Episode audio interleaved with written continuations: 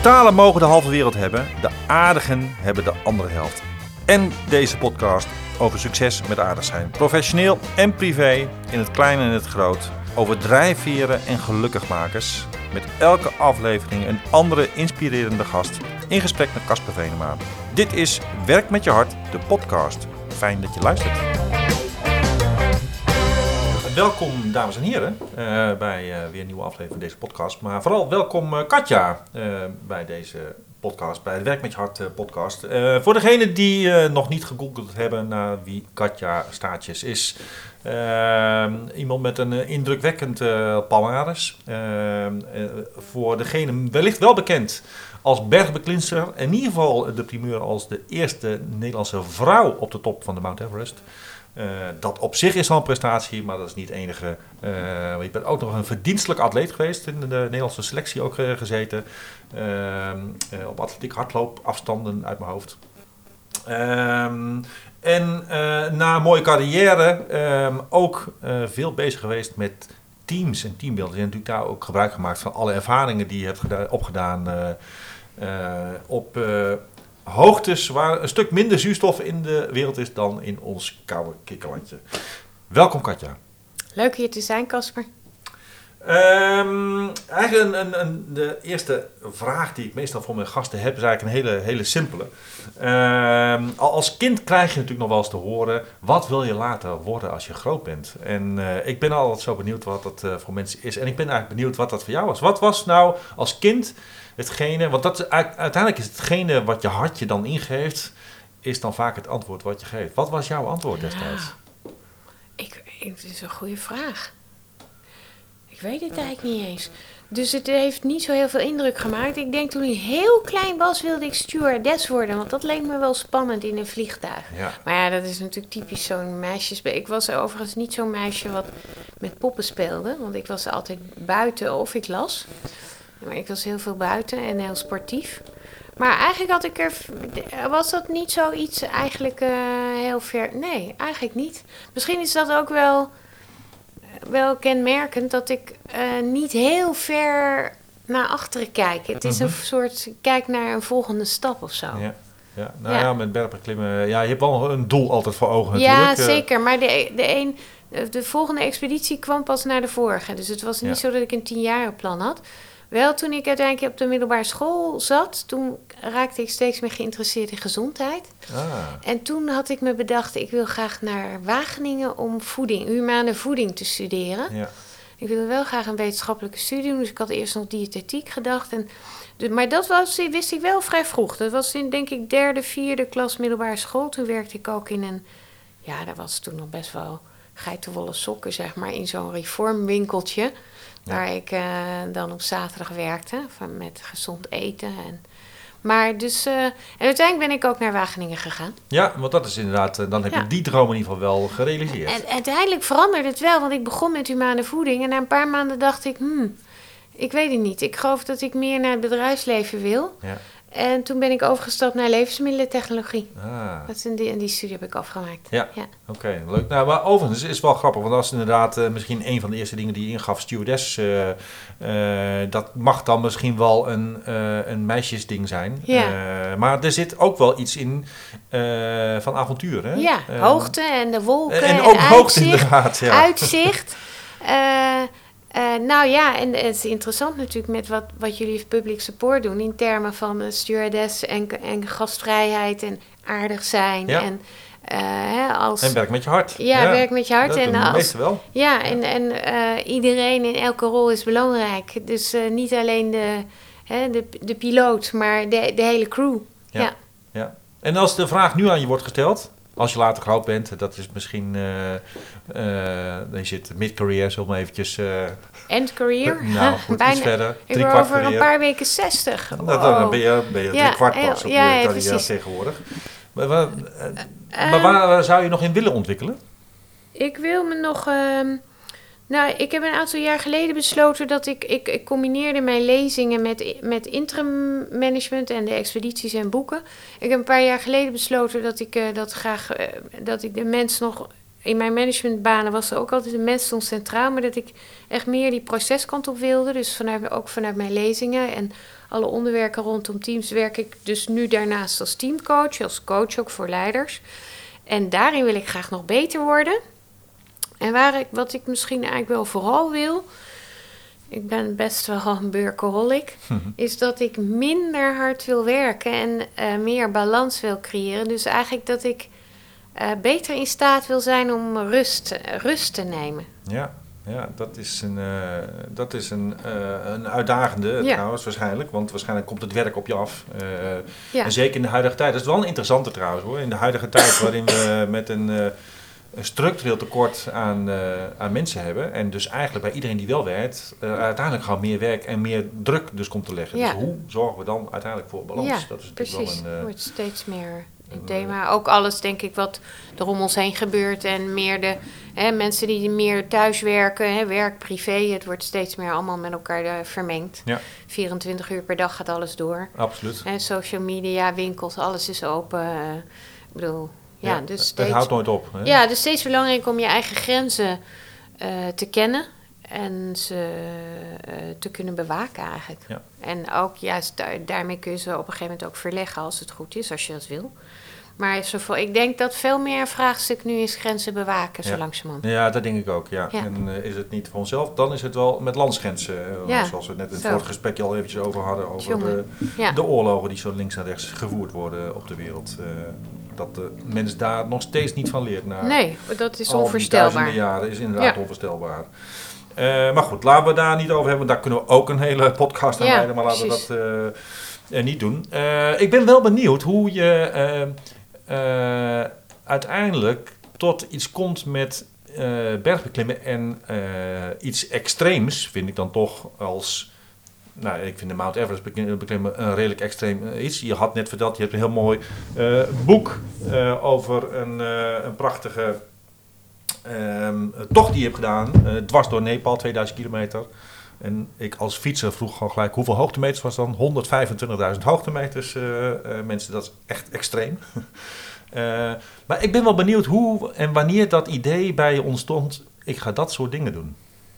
Nou, dat, ook dat, eigenlijk is dat, eh, net als met, met dat werk, is dat gegroeid. Is Mhm. dat stap voor stap. Dus hoe het eigenlijk gegaan is, ik eh, studeerde in Wageningen. Ik was, eh, ik, zat, ik maakte inderdaad deel uit van de nationale ploeg met hardlopen. Was heel actief, ook in die vereniging, maar ook bestuursmatig.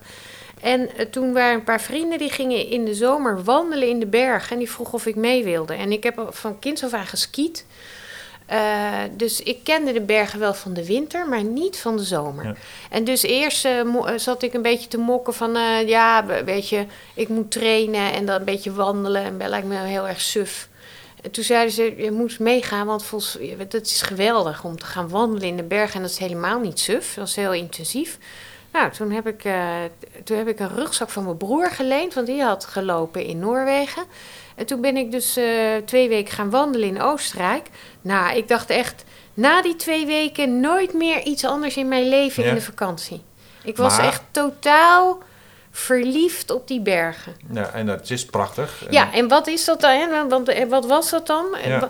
Maar dan wil je nog niet per se naar de Nee, top. maar, maar dat, dat komt dan. Dus we, wat het was, waar ik, waardoor ik zo onder de indruk was, was eigenlijk vooral als daar zo klein als mens zijn in die gigantische natuur. Dat voelde ik al meteen.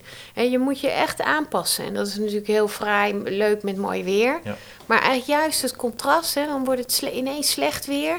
En dan is het zo heerlijk als je daarna in een hut komt of je in je tentje zit. Dus het, eh, ik vind ook het contrast mooi. Je gaat ook hele gewone dingen veel meer waarderen. Nou, wat ik geweldig vond was het lopen. Ik ben eigenlijk, ik zeg eigenlijk, ik ben nog steeds een doorgeschoten loper. Dus die tocht door Nepal, dat was het voor mij echt helemaal. Ehm, en ik vond het mooi, de fysieke inspanning hè, eh, de, eh, van simpel leven, van A naar B gaan, eh, van hut naar hut, van kamp naar kamp. de top van een, hè, van een berg of een pas, het is een heel helder doel. En wat ik eigenlijk vooral zag, was dat het me zo goed deed, omdat ik ineens weer zag wat ik belangrijk vond. Dus eh, als het gaat over reflectie, relativeren, dat lukt me eigenlijk het best als ik loop. Ook hier in een weekend in Nederland of een dag. Dus daar begon het mee. Nou, en dat is eigenlijk stap voor stap eh, steeds wat verder uitgebreid. Hè. Ik ging uh, tochten doen in de, in de Alpen. Ik ging, uh, kwam bij een gletsjer en dan zie je een gletsjerspleet. Zie je allemaal ja. mensen met een touw en een pikkel. Dan denk je ook eens kijken, oh jeetje, toch wel gevaarlijk. Ja. Nou, ik kan toch niet verder. Dus een eerste cursus gaan doen. En dan weet je hoe je over een gletsjer moet. En dan zit daar een rotsbult op die gletsjer. Hoe moet je daar overheen? Nou, weer een cursus. En toen ging ik in 19... Dus het begon, de eerste tocht was in 1983 of 82. En uh, toen ging ik in 1994 voor het eerst naar Nepal.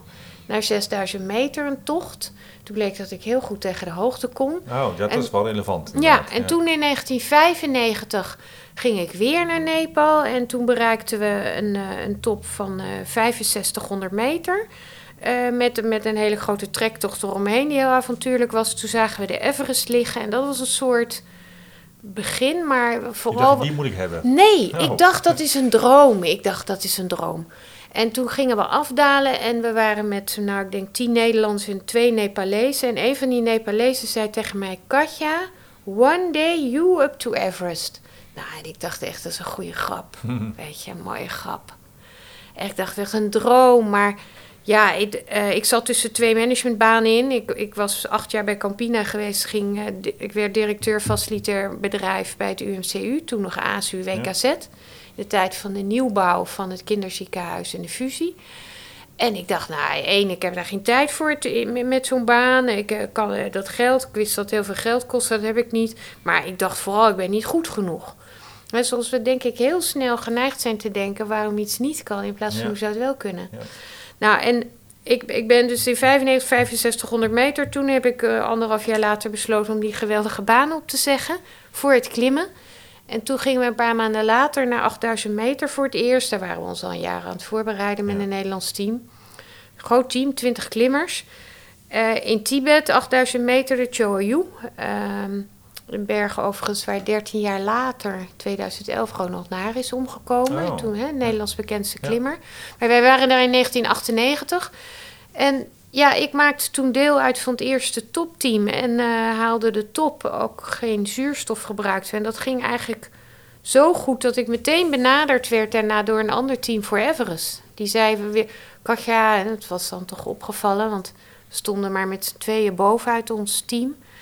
En uh, wil jij niet uh, met ons mee naar Everest? Moet je wel 40.000 dollar neertellen. Oh, als je, in, maar in zo, tijd, hè? Dat ja, uh, maar, maar zo is wel het, ergens dat ik... En op die top zag ik Everest ook weer liggen, 25 kilometer verderop. Toen en toen was hij nog maar 600 meter hoger. En toen dacht ik, voor, misschien zou ik het kunnen. Ja, misschien zou ik het kunnen. Nou, ik had mijn baan natuurlijk toch al opgezegd, dus ik had tijd genoeg geen geld. Maar toen kon ik natuurlijk wel heel hard trainen en sponsors zoeken en weet ik het wat. Ja. Zo is het eigenlijk gegaan. Zo is dat ontstaan. En waar ik wel benieuwd naar ben, want uh, uh, ik heb, uh, je was uiteraard de eerste vrouw daar op de, op de Everest. maar op het moment dat je dat doet, en dat is overigens, en dat, dat benoem ik omdat vrouwen ook andere leiderschaps en kwaliteiten vaak ook meebrengen dan mannen. Hè? Dus je hebt masculin versus uh, feminien. Nou kunnen mannen ook feminien leiderschap Precies. hebben. Dus ja, dat, zeker. Ja. Uh, maar op het moment dat je wist, ik ga dat doen, uh, had je op dat moment een idee bij hoe je dit wil doen en hoe je ook je leiderschap wil doen? Want ik heb je boek uiteraard uh, gelezen. Ehm, en ik vond met name een stukje over vertrouwen. Dus hoe je met elkaar samenwerkt en hoe je uiteindelijk tot een goed team komt. Ja. Ja, in masculine omgeving Ja. is het toch vaak het doel heiligt de middelen en uh, uh, is het team wat minder relevant. In feminine omgevingen is het team natuurlijk heel erg Mhm. uh, belangrijk, Mhm. omdat je uiteindelijk iets samen moet bereiken. Ik ben heel benieuwd hoe jij, uh, toen dat idee ontstond, ik ga de Everest doen en ik heb daar een expeditie voor nodig, want je hebt daar heel veel mensen voor nodig, hoe je toen dacht over hoe je dat team ging uh, samenstellen en, en vormgeven Ja. en creëren. Nou, op Everest, ik was op die eerste berg van 8000 meter, Choyu, godin van het turquoise is dat, was ik deelnemer van een Nederlandse expeditie. En die werd geleid door, door een gids, of eigenlijk door twee gidsen. En eh, toen kwam dus het Everestplan. En dat, eh, dat was drie kwart jaar. Toen dacht ik dus, eh, ik wil naar Everest. Ik heb nu geen werk, ik heb tijd om te trainen. Dus ik wil volgend jaar naar Everest. Dat was dus in 1999. Toen ben ik eerst Ronald naar gaan bellen. Want ik zei, Ronald, ik wil naar Everest. Heb jij nog plannen in die... ri-" Nee, zei hij, ik ben al drie keer geweest. Hè? En de derde keer had hij het gehaald. Dus ik heb geen plannen. Ik zei, weet je andere Nederlanders? Nee, ook niet. En ik had nog niet genoeg ervaring om dat zelf te doen. Ja. Dus ik heb die expeditie niet zelf georganiseerd Mhm. en niet geleid. Sterker nog, dan had ik echt zo ontzettend veel geld bij elkaar moeten, moeten slepen met Ja. sponsoringen of heel hard werken. Totaal onmogelijk. Dus toen heb ik gedacht, oké, ik wil graag naar Everest. Hoe ga ik dat dan doen? En nou ja, Everest is net als eh, Mont Blanc, Kilimanjaro, de hele bekende bergen op de wereld. Daar worden expedities naartoe georganiseerd. Dus Ja. op Everest kun je dan eh, gaan zoeken naar georganiseerde expeditie. En daar Oh, schrijf dus- je je eigenlijk in. Ah, Ja, maar dat is dus Ja. eigenlijk het begin, want Ja. daarna is het pas echt begonnen. Dus ik heb me uiteindelijk ingeschreven bij een georganiseerde expeditie, Ja. geleid door twee gidsen. Internationaal team met mensen die je dus niet kent. Ah, Dat is een ontiegelijk nadeel. Toen heb ik gedacht, eigenlijk wil ik dat helemaal niet zo doen. Maar ja, ik wilde naar Everest, het paste, ik was sterk, et cetera, et cetera. Dus ik dacht, nou ja, als ik naar Everest wil, dan is dit de kans. Ik ga dat dus toch maar doen, ondanks die, al die bezwaren. En ik kon natuurlijk juist een sponsor vinden, omdat ik eerst een Nederlandse vrouw kon worden. Ja. Nou, dat is zo gebeurd. Hè, dus ik was de eerste Nederlandse vrouw, ik kwam terug op Schiphol. En op Schiphol werd mij al gevraagd, Katja, wat nu? Wat ga je nu doen? En toen heb ik gezegd, nou, ik wil eerst een betere klimmer worden. Ik ga moeilijkere routes klimmen, want er zijn heel veel bergen. Weliswaar lager, maar veel moeilijker dan Everest. En anderhalf jaar daarna heb ik gezegd, nu ben ik zover dat ik dat zelf kan gaan doen. En nu heb ik het zelf, uiteindelijk kun je pas de lead nemen als je genoeg zelfvertrouwen Ja. hebt, ervaring. En toen heb ik gezegd, oké, nu ben ik zover dat ik zelf eigen projecten kan opstarten. En naar hoge bergen kan gaan met eigen teams. Nou, en dan kom ik dus eigenlijk, hè, dan komen we eigenlijk op jouw vraag van hoe, Ja. Hoe doe je dat dan? Nou, want uiteindelijk heb je wel je eigen filosofie ontwikkeld Ja, rondom ja. leiderschap en teambuilding, teamvorming. En daar eh begeleid en coach je natuurlijk heel Ja. veel organisaties ook in.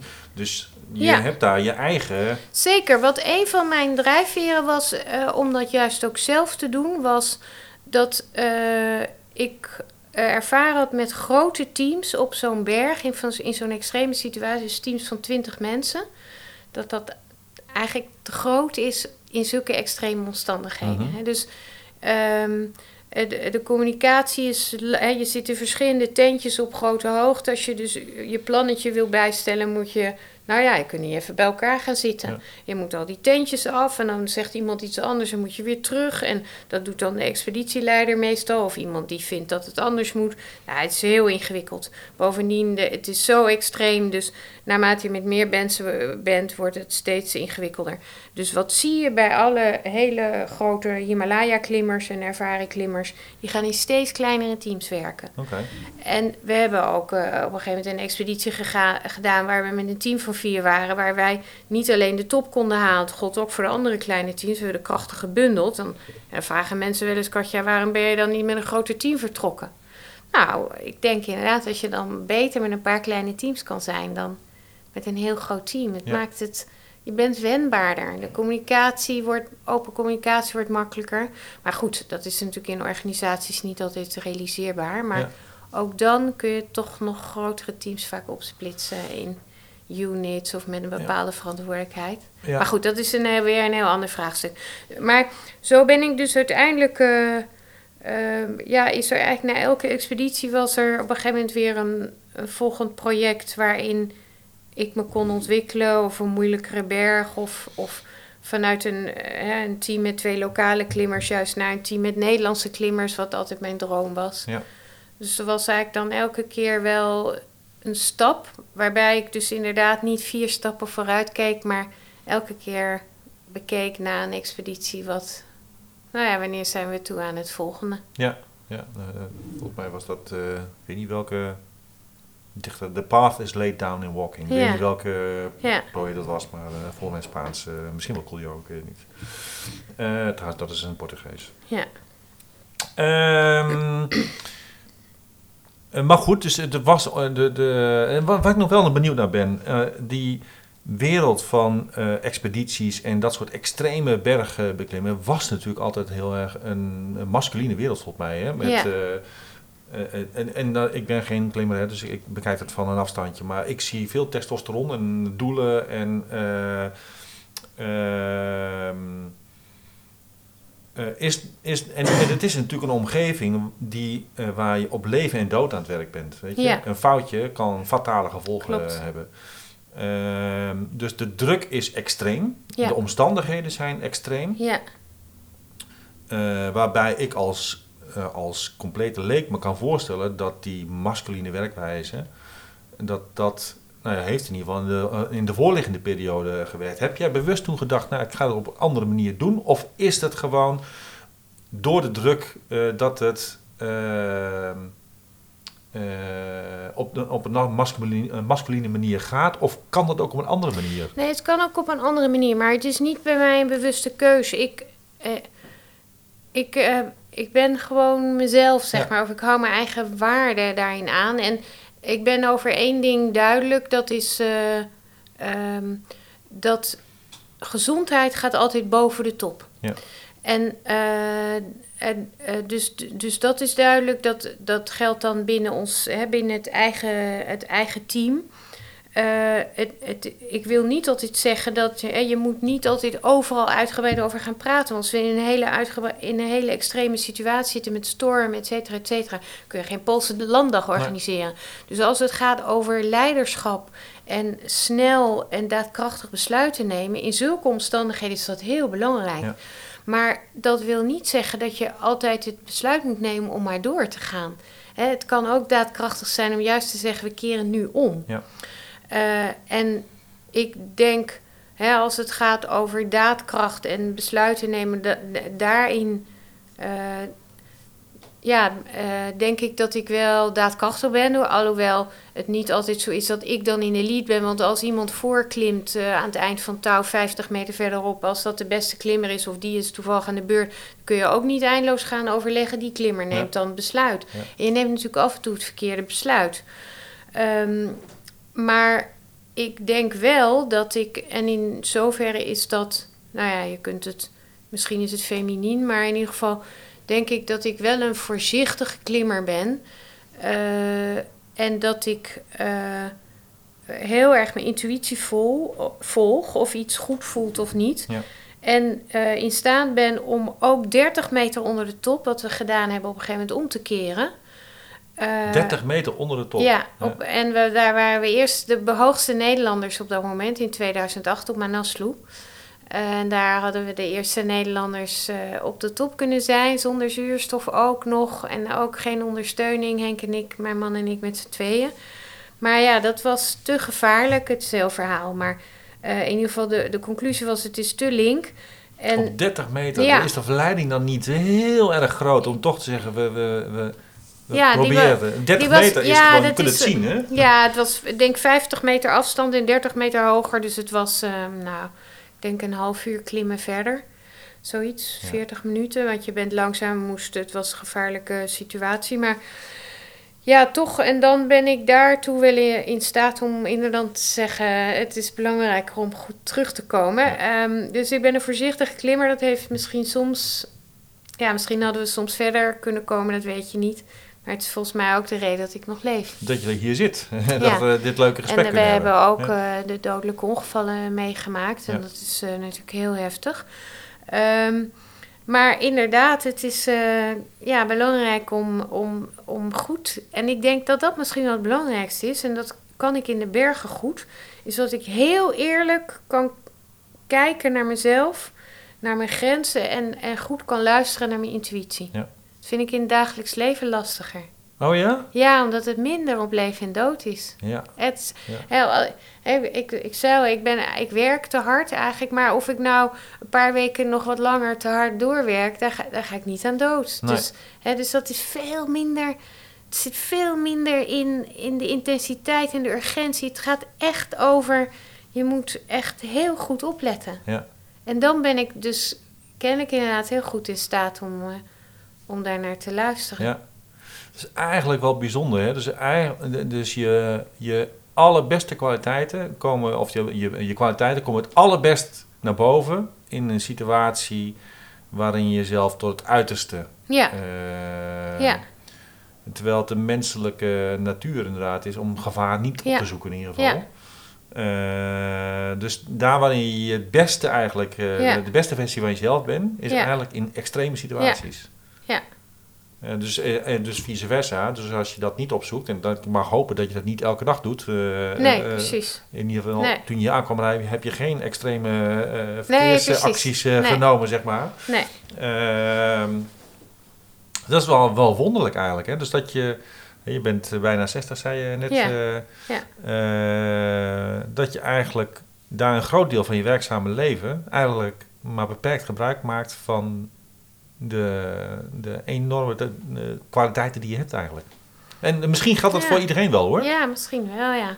Ehm, ja, je hebt natuurlijk in elke situatie komen andere dingen weer van pas, zeg maar. Hè? Ja. En, en die, die leiden tot resultaat of die die de situatie ten goede komen. Ja. Ja, ja ik denk wel... Kun je ook wel niet altijd living on the edge. Hè? Dat, Nee, dat natuurlijk kan ook niet Nee. altijd. Moet je volgens mij ook niet willen. Ik kan ook niet elk jaar een Everest beklimmen. Is Nee. onmogelijk, hè, bij wijze van spreken. Ja. Maar Eh, is dat- dat fysiek onmogelijk of ook op mentaal? Nee, we- eh, misschien wel meer mentaal. Ja, fysiek is het ook ingewikkeld om dat elk jaar te doen naar 8000 meter is ook niet gezond. Maar vooral mentaal. Het is toch ja, heel, echt heel erg opladen. Maar als je kijkt ook naar, hè, misschien nog even het, het moment dat je besluit ook om om te keren. En hoe, hoe zuiver je daar naar kan kijken. Ik denk dus ook dat, maar hè, in het klimmen in ieder geval, dat een topbonus niet werkt. Althans, ik denk dat er dus dan en een grotere kans is dat klimmers te veel risico nemen Ja. voor het geld om toch die top te halen. Ook denk ik dat het de kans vergroot om nadien eh, niet integer te zijn hè, als je het niet gehaald hebt, om ook dat toe te geven. Ja. Er zijn helaas verschillende voorbeelden eh, hè, van klimmers die, eh, nou ja, de, hè, waarbij het, het verhaal niet blijkt te kloppen. Zij de top niet gaat we stonden er notabene op een gegeven moment zelf bovenop. En we stonden op de voortop op die berg, 30 meter onder de top. En de mensen met wie wij daar waren, die klimmers, die claimden daarna de top. Dat is puur integriteitskwestie, want we stonden op dezelfde punt. Eh, maar als je dus een topbonus, ja, zeg maar, in het verschiet hebt.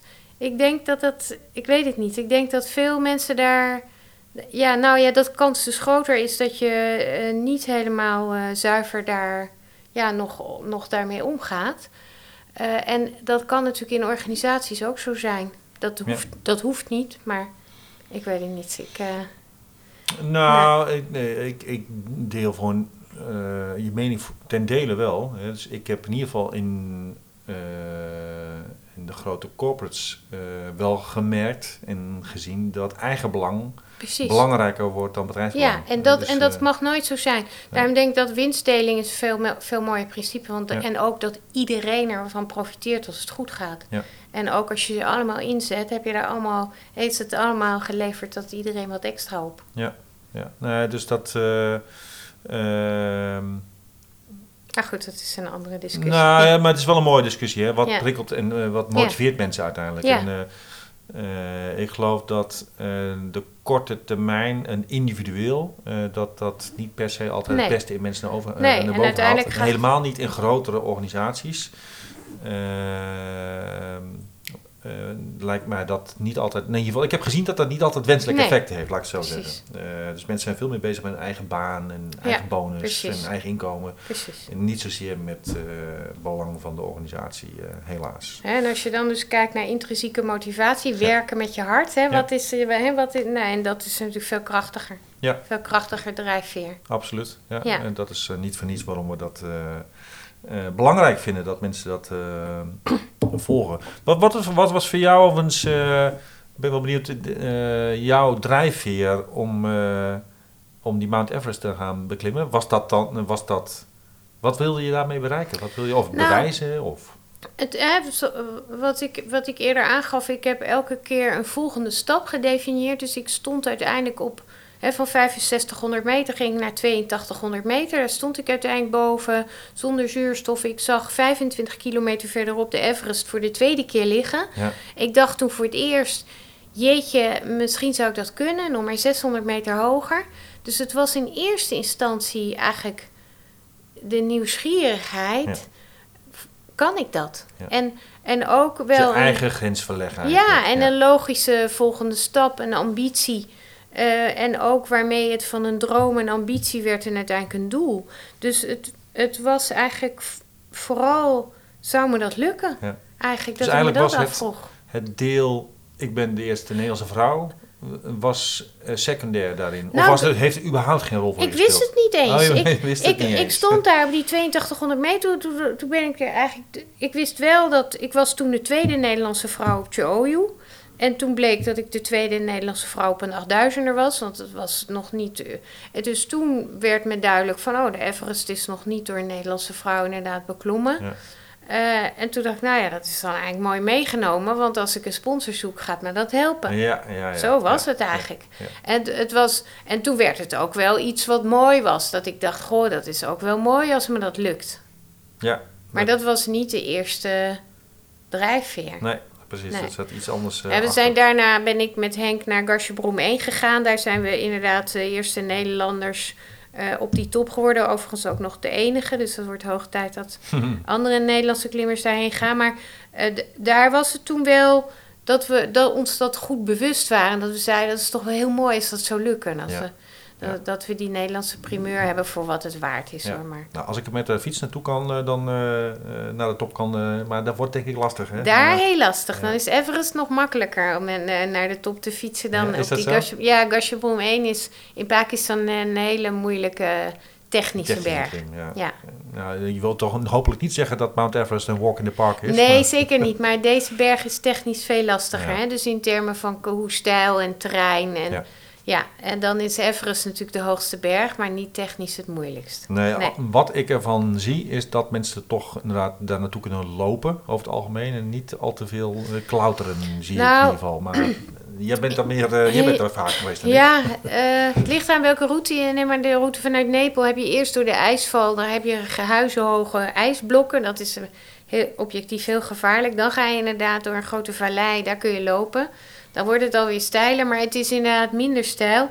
Überhaupt is overigens de huidige tijd... is het klimmen op Everest helemaal veranderd. Want nu wordt eigenlijk van onder tot boven... eh, wordt er touw bevestigd door de Nepalese Sherpa's. Die doen het belangrijkste werk. En dan gaan de klimmers erachteraan.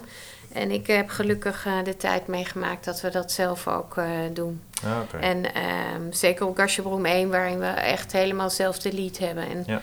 Dan, dat is toch wel meer zoals het eigenlijk het echte bergbeklimmen, zou ik willen zeggen, eigenlijk is. Ja. En niet dat je je touw inklikt en erachteraan gaat. Maar goed, hè, dat, daarvoor is het nu voor meer mensen wel mogelijk geworden. Ja, nou, Ja. Dat, eh, ik ben ooit op 5000 meter geweest en ik was toen al helemaal buiten Oh. adem. Dus voor mij gaat het eh, denk ik geen Waar was dat? In Peru. Ah, Ja. bij Machu Picchu? Of op Eh, ook, ook naar Machu Picchu, maar ook Ja. eh, ehm, wat verder naar het zuiden bij Arequipa. Eh, Ja. Daar ben ik op 5000 meter geweest. Ja, en dat Peru. was... eh, eh, dat vond ik al behoorlijk pittig Ja, om dat daar te lopen ook. überhaupt. Zeker. Ja. Dus, Fantastisch land, Peru. ja, het is prachtig. Ja.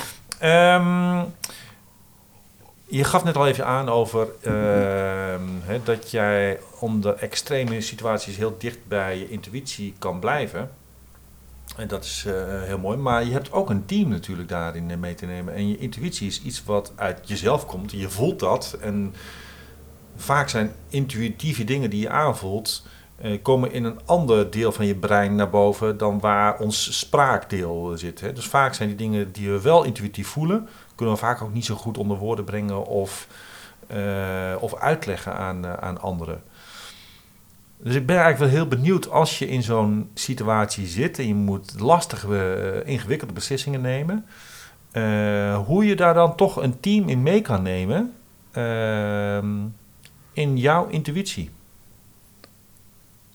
Ja. ja, elke situatie is weer anders. Maar eh, als het gaat over een team meenemen en het er bij wijze van spreken over hebben in het basiskamp, kan dat wel. Kun je uitgebreid praten Ja. over dingen, daar is de tijd voor. Maar inderdaad, in een storm of in, een, in bepaalde situaties niet. Eh, nou, die, de, de 30 meter onder de top dat we omkeerden, was ik alleen met Henk. Dus was Ja. het vrij makkelijk. Eh, Ja. We waren gewoon met z'n tweeën. Eh, we zijn op een gegeven moment ook 300 meter onder de top omgekeerd. Ja, dat was inderdaad wel een lastige situatie, want daar waren we met z'n zessen. Ik was expeditieleider. Een van de teamgenoten raakte onderkoeld. Toen was als eerste de vraag... Ik was daar niet bij, want ik, ik zat al bijna in het, in het kamp. Maar Henk, mijn man, was daar wel bij. Dus wij, ik zat met z'n drieën voor en zij zaten met z'n drieën lager. Toen was de grote vraag, Mirjam, een teamgenoot, raakte onderkoeld. Wat doen we? Uh, helemaal afdalen of naar het kampje? Nou, dat kampje was maar heel kort, dus dat was sneller dan helemaal afdalen. Dus ja. ze zijn met haar doorgeklommen. Nou, we moesten als eerste natuurlijk heel snel de tent opzetten, haar in de tent leggen, in de slaapzak, haar warm wrijven, zo snel mogelijk warm, drinken voor haar maken. Toen was de grote vraag, kunnen we vannacht nog naar de top? Nou, dat was een lastige afweging. Toen was toch het idee van het gaat, dat zou het mogelijk lukken. Um, nou, om lang verhaal kort te maken zijn we s'nachts in twee groepjes vertrokken. Wij zouden alvast het spoor gaan trekken en zij zouden er achteraan komen. En ik, ik zat in het voorste groepje. En uh, het was donker en uh, ja, ik merkte gewoon, ik was helemaal niet met die top bezig. Ik was alleen maar bezig met die teamgenoten waar het niet goed mee ging. En ja. dat ik dacht, stel je nou toch voor, komen ze al? Ik zag ze niet, er was geen radio, het lukte niet radiocontact te krijgen. Ik denk, zometeen staan wij op de top en gaat het, gaat het mis met ja. onze teamgenoot. Dat vergeef ik mezelf helemaal nooit. Dus het was Mooi. eigenlijk, het idee was, we klimmen met z'n drieën door, we maken alvast de route en ook als we deels de top halen, dan is het, het succes voor het hele team. En ik dacht werkelijk, waar gaat dit over? Dus ik kon gewoon me niet focussen. Ja. Dus het was ook daarin heel intuïtief dat ik uh, schreeuwde naar Henk en uh, onze Nepalese teamgenoot van ik ga niet verder, want ik weet je, ik, uh, ik ben helemaal niet met die top bezig. Ja. Dus eigenlijk mentaal blokkeer je dan ja. op dat moment. Nou, eigenlijk was er geen commitment ja. of, of een andere prioriteit. En uh, dus ja, en Henk was heel duidelijk, want ik zeg gaan jullie door, dan hebben jullie, kunnen jullie succes realiseren voor de hele ploeg. En Henk zei nee, maar dan gaan we met z'n allen terug. En dat was uiteindelijk prioriteit, om ja. met z'n allen goed, en dat is gelukkig gelukt. En is het dan uh, bij zo'n expeditie uh, dan ook het doel om met z'n allen de top te halen? Of is het het doel de top moet gehaald nou, worden? Nou, dat is per die expeditie verschillend. Maar daar hebben wij in dit geval een heel uitgebreid gesprek over gehad. Sterker nog, hebben we er uren over gehad. Want uh, eigenlijk zouden we naar een andere berg gaan in Tibet. Maar door, door de Olympische Spelen konden we plotseling Tibet niet in. Maar in ieder geval, die berg had, zou je kunnen zeggen, een voortop en een hoofdtop. Dat ging om Shishapangma in Tibet. En wij gingen het gesprek aan, wat is het doel? En uh, het doel van Henk en mij was om die hoofdtop te halen. We wilden geen zuurstof gebruiken, dus we hadden het gesprek daarover. En het hoogste doel is dan, was dan met z'n allen. En toen zeiden onze twee uh, Nederlandse teamgenoten, Mirjam en Niels, die zeiden... Nee, ons doel is de voortop. Mm -hmm. En als we die hoofdtop halen, geweldig. Maar wij, voor ons is dat doel die voortop. En toen had ik het eigenlijk nooit bekeken. Dat ik dacht, ja, hmm. Toen, toen was dus de vraag, hoe gaan we daar nou mee om? En toen hebben we het als volgt gedefinieerd. We hebben gezegd, twee klimmers halen... Uh, we halen met z'n allen de voortop. Dat is ons doel. Mm -hmm. En, het, en uh, uh, afgeleid is twee klimmers op de hoofdtop. En dus zo hebben we hem gedefinieerd, maar we gaan dat wel samen doen. We ja. gaan daar samen staan. Ja, maar het moet wel inderdaad, het doel moet wel voor iedereen uh, helder zijn. Helder zijn maar soms heb je lastig. ook in expedities is het doel als maar één iemand de top haalt. Ja. Maar ons, onze filosofie was, je klimt niet alleen verder op het laatst. Niet, niet één Minimaal met z'n tweeën. Ja. Maar daar hebben we echt toen uren over zitten praten. En ook wat heb je daar dan voor over? En als het dan niet goed met iemand gaat, keren we dan allemaal om, et cetera. Ja, goed om af te... En dat geldt ook natuurlijk in een organisatie, ook als je onderweg bent. Af en toe goed om even te checken, zitten we nog op dezelfde berg? Hè? Ja. Of hebben we nog hetzelfde voor ogen? Ja, hetzelfde doel voor ogen inderdaad. En dan blijkt toch dat iedereen het net wat anders ziet. Zoals eigenlijk ook in dat gesprek bij ons. Dat je denkt, hé hey, ja, hm. Nou, dat is absoluut waar. Hè. En je ziet vaak genoeg dat dat uh, doel uh, misschien wel gedacht werd door leiders dat dat doel helder was, maar dat het toch blijkbaar, Precies. als je echt heel erg doorvraagt, het ja. toch niet helemaal helder exact. was. Exact, uh, en dat je misschien wel nog steeds wel met een berg uh, aan het beklimmen bezig bent. En misschien nog wel met dezelfde berg, maar dat het nog niet helemaal duidelijk is welk, welk van de toppen we nou Precies. aan het beklimmen zijn. Dus ja. dat, uh, en dat maakt wel uit. En dat kom je pas natuurlijk tegen. Uh, Ja, Als je onderweg bent. Ja, precies. Ja. Als je onderweg bent, als je, Precies. als je, gaan, eh, Ja. als je in beweging bent. Ja. Dan, eh, en misschien is dat ook wel in heel veel gevallen. Ik heb bij Mount Everest is het helder van tevoren. Als je die wil beklimmen, dan. eh, nou, zelfs dan hè, wil je met z'n allen de top halen. Of is het de bedoeling dat de expeditie iemand de top haalt? Ja. hè? Dat is ook al een. eh, Soms zijn er ook expeditieleden die zeggen: Mijn doel is om kamp 4 te halen. Ja. Hè, ik, eh, ik, ik ben nog nooit op 8000 meter geweest. Dus als ik kamp 4 haal, ben ik ontzettend tevreden. Maar Ja. het is natuurlijk maar net wat je samen afspreekt. En precies wat je zegt. Hè, onderweg is het eh, van tevoren is het belangrijk om het er goed over te hebben. Maar tijdens het proces ook om af en toe even stil te staan. Wacht even. Zitten we nog op. Zijn we nog op, hetzel- eh, op dezelfde weg? Hè? Ja. Hebben we nog hetzelfde voor ogen? ja, nee, dat is absoluut Wat vinden waar. we belangrijk? En dat Ja. is eh, nou, eh, ook wat ik da nou, dagelijks de, merk is overdreven. Want dan zou ik dagelijks moeten merken dat mensen de doelen niet begrijpen. Ja. Maar je merkt het wel af en toe van, oh wacht, volgens mij hebben we ergens nascherping nodig. Dat is toch nog niet helemaal Ja, duidelijk. eh. ja, precies. Ehm, wat ik wel benieuwd naar ben ook, eh, eh, hoe je met tegenslagen in dit soort... eh, want dan gaan natuurlijk ook dingen mis of dat dingen niet Altijd. lukken. Eindeloos gedoe. ja, hoe ga jij daar mee om? Ja, nou als eerste, tegenslag, gedoe is er altijd op een expeditie. Je weet van tevoren, het is er altijd, het is elke keer wat anders. Het kan van alles zijn, eh, hoogteziekte, waar, waar we toch last van krijgen, infecties. Je hebt minder weerstand door Ja. de hoogte. Ja, Eh, ook hè? een ongelukje wat optreedt. Eh, Bijvoorbeeld hadden we op een gegeven moment een klimmer van een ander team bamboe snijden. we. Die had was gewoon dat bamboe snijden is vrij lastig, maar die, die was gewoon dwars dan met zijn been ingegaan. Oh. En dan natuurlijk vooral het weer. Eh, eindeloze sneeuwval, storm, lawinegevaar, gletsjerspleten, weet ik het wat.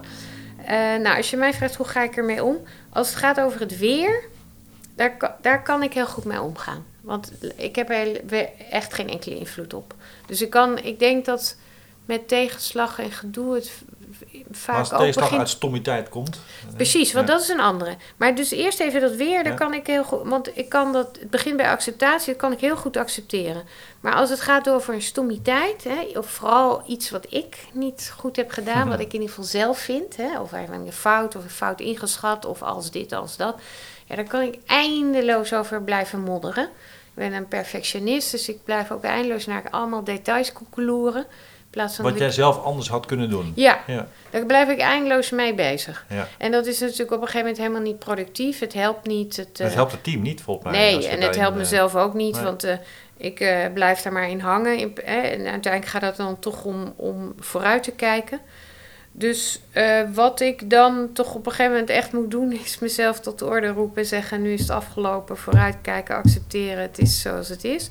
Maar wat in dit geval dan wel mooi is met Henk, mijn man, die echt totaal tegenovergesteld is van mij, die, ja, die dan een goede invloed op mij heeft, of mij corrigeert, of relativeert, of een grap maakt waar we helemaal de slappe lach van, krijgen. Dat is heel knap. Dus dan eh, is dat toch wat, eh, wat werkt. Ja. En uiteindelijk toch ook, uiteindelijk ook relativeren van waar gaat dit over? Hè? We zitten op een berg, hoe belangrijk is dit? Ja. Dat helpt dan op een gegeven moment ook wel. Maar ik ben wel, ik heb wel de neiging om eindeloos terug te blijven kijken hoe dit, hoe dat, als we dit, als we dat, als ik dit, als ik dat. En ehm, ja, uit, ja, ja, en ik, als ik heel eerlijk ben, is het toch ook zo dat bij mij het glas half leeg is en niet half vol. Tot ik mezelf echt tot de orde roep. Maar dat, het is ook niet zo erg. Dat is ook het verschil. En, en juist eh, door in een team verschillend te zijn, kun je elkaar aanvullen en word je weer sterker. Nou, en ik vind overigens het van leiders een zeer goede eigenschap als ze zeer zelfkritisch zijn. En, Ja. eh, en dat wel laten binnenkomen. Wat had ik anders kunnen doen? hè?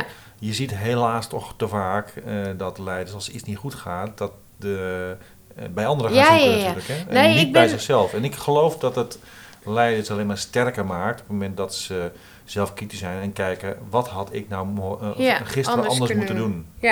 ik ben kritischer naar mezelf dan naar, naar anderen, Ja. inderdaad. En ja, dus. eh, ehm, maar toch denk ik. Eh, nou, misschien als het tegen zit, wat misschien wel het allerbelangrijkste, denk ik, is, is uiteindelijk inderdaad dat je, eh, dat je voldoende veerkracht hebt, dat je weet wat je helpt bij tegenslag. Maar uiteindelijk eh, confronteert het je vooral met je motivatie, hè, met je intrinsieke eh, drijfveren, inspiratie. En als je er niet echt achter staat, dan hou je het niet vol. Dus hè, ik heb inderdaad de klimmers gezien, die komen alleen maar voor dat prachtige topbeeld. Hè, op die Ja. top staan met een vlag en succes. Ja. En als je alleen maar daarvoor komt, ja, dan lukt het niet. Want Nee. dan, dat is, dat is uiteindelijk niet, je moet alles mo- moet in je zeggen, ik, ik wil dit graag doen. En als dat niet klopt, dan lukt het niet. En zo zijn we op een berg ook wel eens omgekeerd, omdat alles in ons zei, dit is niet oké. Het is er ergens, er klopt iets niet. Ja. We, we moeten hier niet vandaag de dag zijn op Ja. deze berg.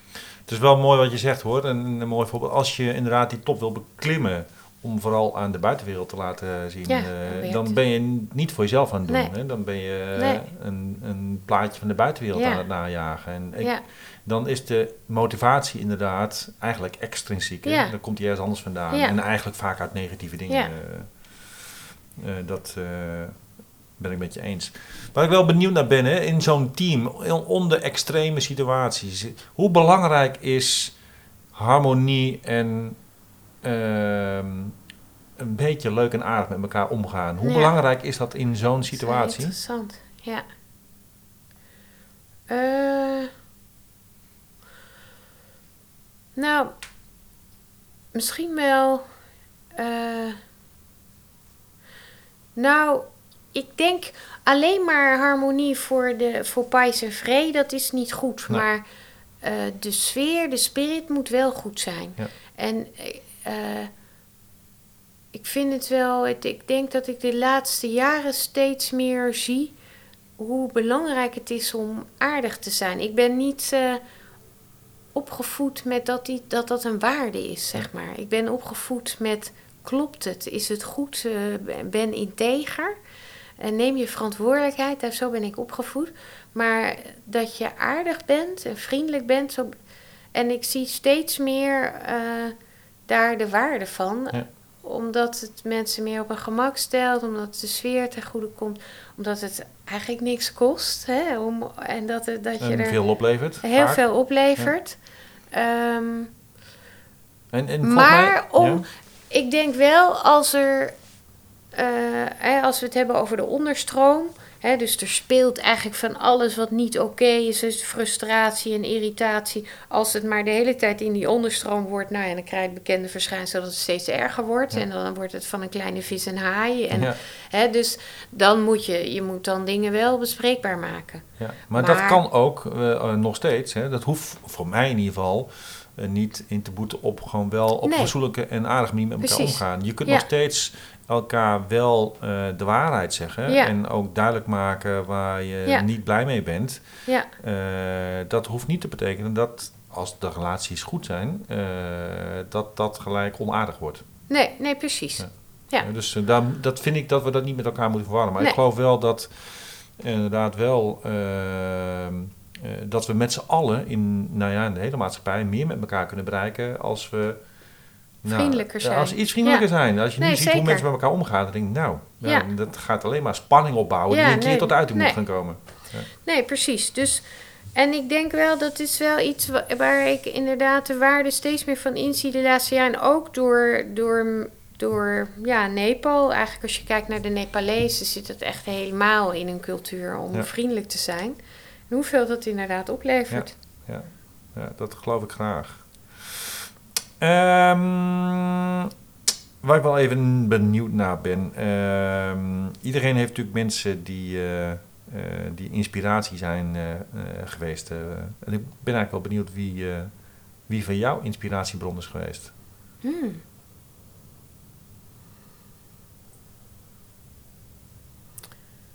Jeetje. Oké. Nou, ehm, nou, het zijn er wel een aantal. Eh Eckhart Winsen is voor mij wel een inspiratiebron. Iemand Mhm. die eigenlijk al heel snel zei... eh, bedrijven worden groter, maar op een gegeven moment wordt het te groot. We gaan werken met cellen. Ja. Eh, hij is overleden, maar hij heeft natuurlijk ook een heel mooi boekje geschreven. Dus hij is wel een inspiratiebron voor mij. Ehm, Danielle Brown is voor mij een inspiratiebron als het gaat over de antropologie. Ja, En,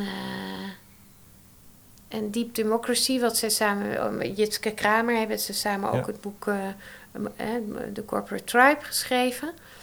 Eh, als het gaat om de klimmers, ehm, is, is voor mij een inspiratiebron. ehm, ja, Gerlinde Kaltenbrunner, dat is een Oostenrijkse Ja, vrouw. de eerste die ik dat niet ken. De vorige Ja, drie, eh, die zegt mij Reinhold Messner is natuurlijk een hele grote klimmer, maar dat is ook wel echt een mega ego. Maar die heeft wel heel speciale dingen gedaan. Maar, ga, maar Gerlinde is een, eh, de, de eerste vrouwelijke klimster ter wereld die de 14 8000ers zonder extra zuurstof is, heeft beklommen. Die heel bescheiden is, heel integer en volledig vanuit haar intrinsieke motivatie klimt en helemaal niks op heeft met de buitenkant. Heel mooi. Ehm, ja, dus dat zijn. eh Merel van Vroonhoven vind ik eh, een inspiratiebron. Die ken ik ook niet.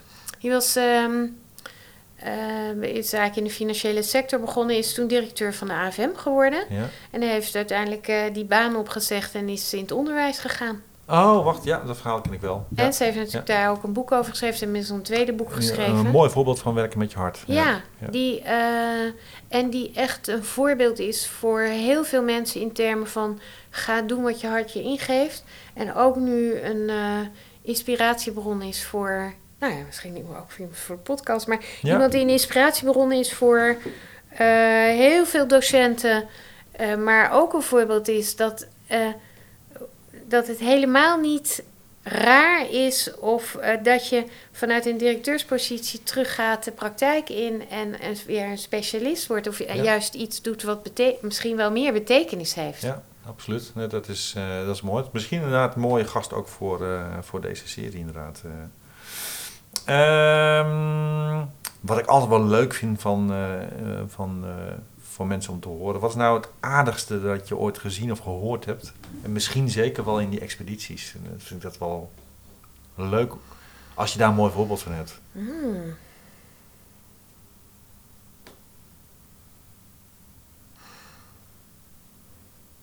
Nou, wat. ehm, wat misschien wel een mooi voorbeeld is, is ehm, op onze tocht door Nepal.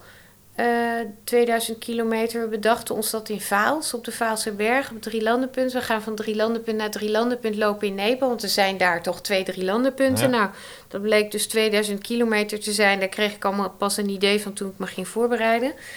Maar we gingen daar door 35 gebieden. En eh, zeven gebieden zijn restricted area. Dan moet je Nepalees bij je hebben. Dus we moesten Nepalees zoeken die ons kon helpen. Nou, die ook even een eh, wandelingetje van 2000 Ja. kilometer wil nou ja, maken. in ieder geval op die, die paar stukken, maar Ja. precies. Dus ik kreeg dat allemaal vanuit Nederland niet voor elkaar. Ik ben naar Nepal gegaan, een week in Kathmandu, om dat allemaal georganiseerd te krijgen. Ik kreeg die man nog niet gevonden, we- eh, want met name het westen van Nepal is totaal onbekend. Inmiddels was ik terug, waren we terug in Nederland en toen meldde Chiri Sherpa zich bij ons. En die zei, goh, ik heb gehoord wat jullie willen doen en ik wil graag mee. Maar ik ken al die gebieden helemaal niet. Ik ken drie gebieden. Maar eh, ik spreek de talen en ik ken de cultuur. Nou, ik, we hebben drie van de vier etappes met hem gedaan. En eh het is een hele goede vriend geworden en een hele intense samenwerking.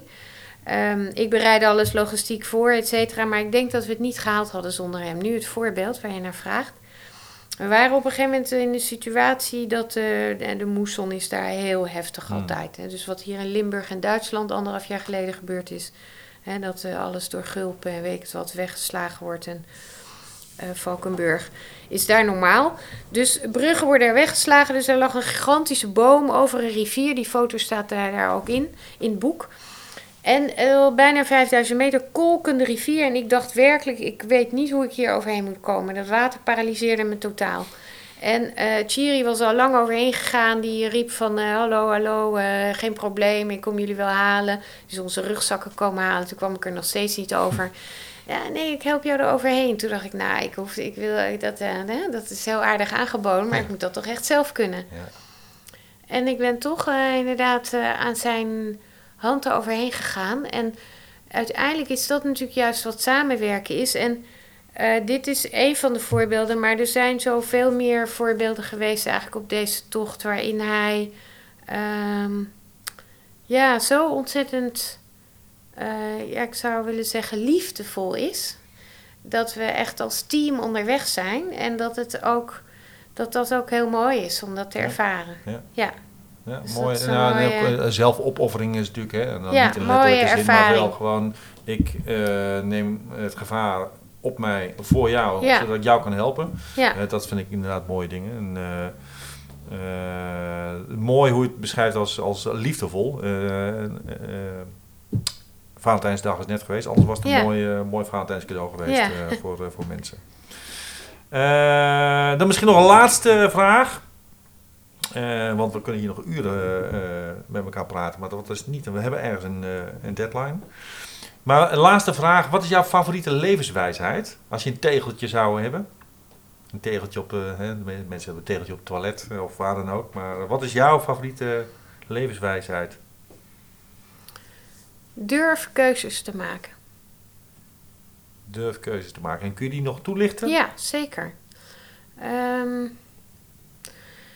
ja, ik denk misschien wel.